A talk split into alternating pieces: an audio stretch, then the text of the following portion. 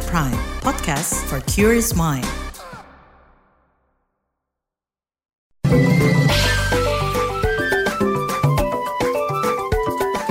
WhatsApp Indonesia. WhatsApp Indonesia dimulai dari Sumatera Utara.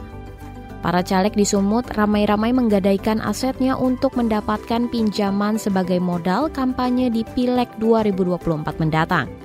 Kepala Departemen Bisnis Support PT Pegadaian Kanwil 1 Medan, Andia Fauzi, seperti dilansir detik.com mengungkapkan, para caleg dari lima kabupaten kota di Sumut mendominasi penggadaian aset untuk modal kampanye. Peningkatan penggadaian aset ini mulai tampak beberapa saat menjelang masa kampanye resmi, yakni sejak Oktober 2023. Ketika pihak pegadaian mewawancarai nasabah, diketahui bahwa penggadaian aset tersebut untuk modal kampanye. Mereka mengaku sebagai caleg dan butuh modal untuk kampanye.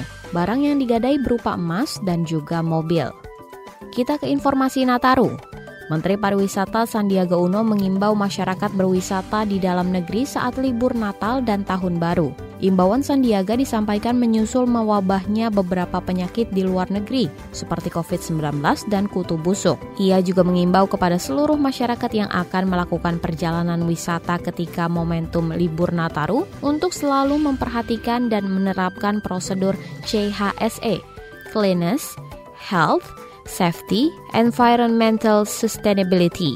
Masyarakat diharapkan dapat memilih destinasi yang telah dilengkapi dengan alat keselamatan yang sesuai dengan pedoman pariwisata. Selain itu, mengecek perakiraan cuaca dari BMKG secara berkala juga perlu dilakukan, mengingat libur Nataru diperkirakan akan berlangsung di tengah musim penghujan. Sebelumnya, pemerintah memperkirakan akan ada 107 juta pergerakan saat momen libur Nataru nanti.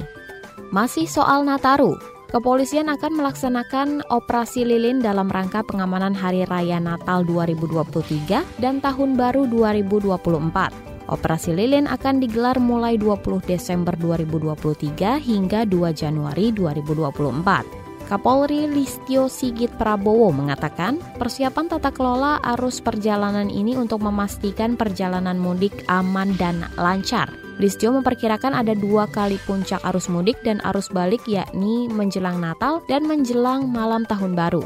Rekayasa lalu lintas akan disiapkan oleh Polri agar pengamanan Nataru berjalan lancar. Ia mengatakan sejumlah pengaturan rekayasa lalu lintas akan diterapkan mulai dari pengaturan kontraflow sampai dengan one way di mana pihaknya sudah memiliki rumus traffic counting yang telah dicoba pada saat pelaksanaan Hari Raya Idul Fitri lalu. Dia juga menyiagakan petugas untuk pengamanan kegiatan ibadah Natal di seluruh tanah air. Sebelumnya, Kementerian Perhubungan atau Kemenhub memprediksi jumlah pergerakan masyarakat saat Nataru meningkat 45 persen atau seratusan juta orang pada akhir tahun ini. Demikian WhatsApp Indonesia hari ini.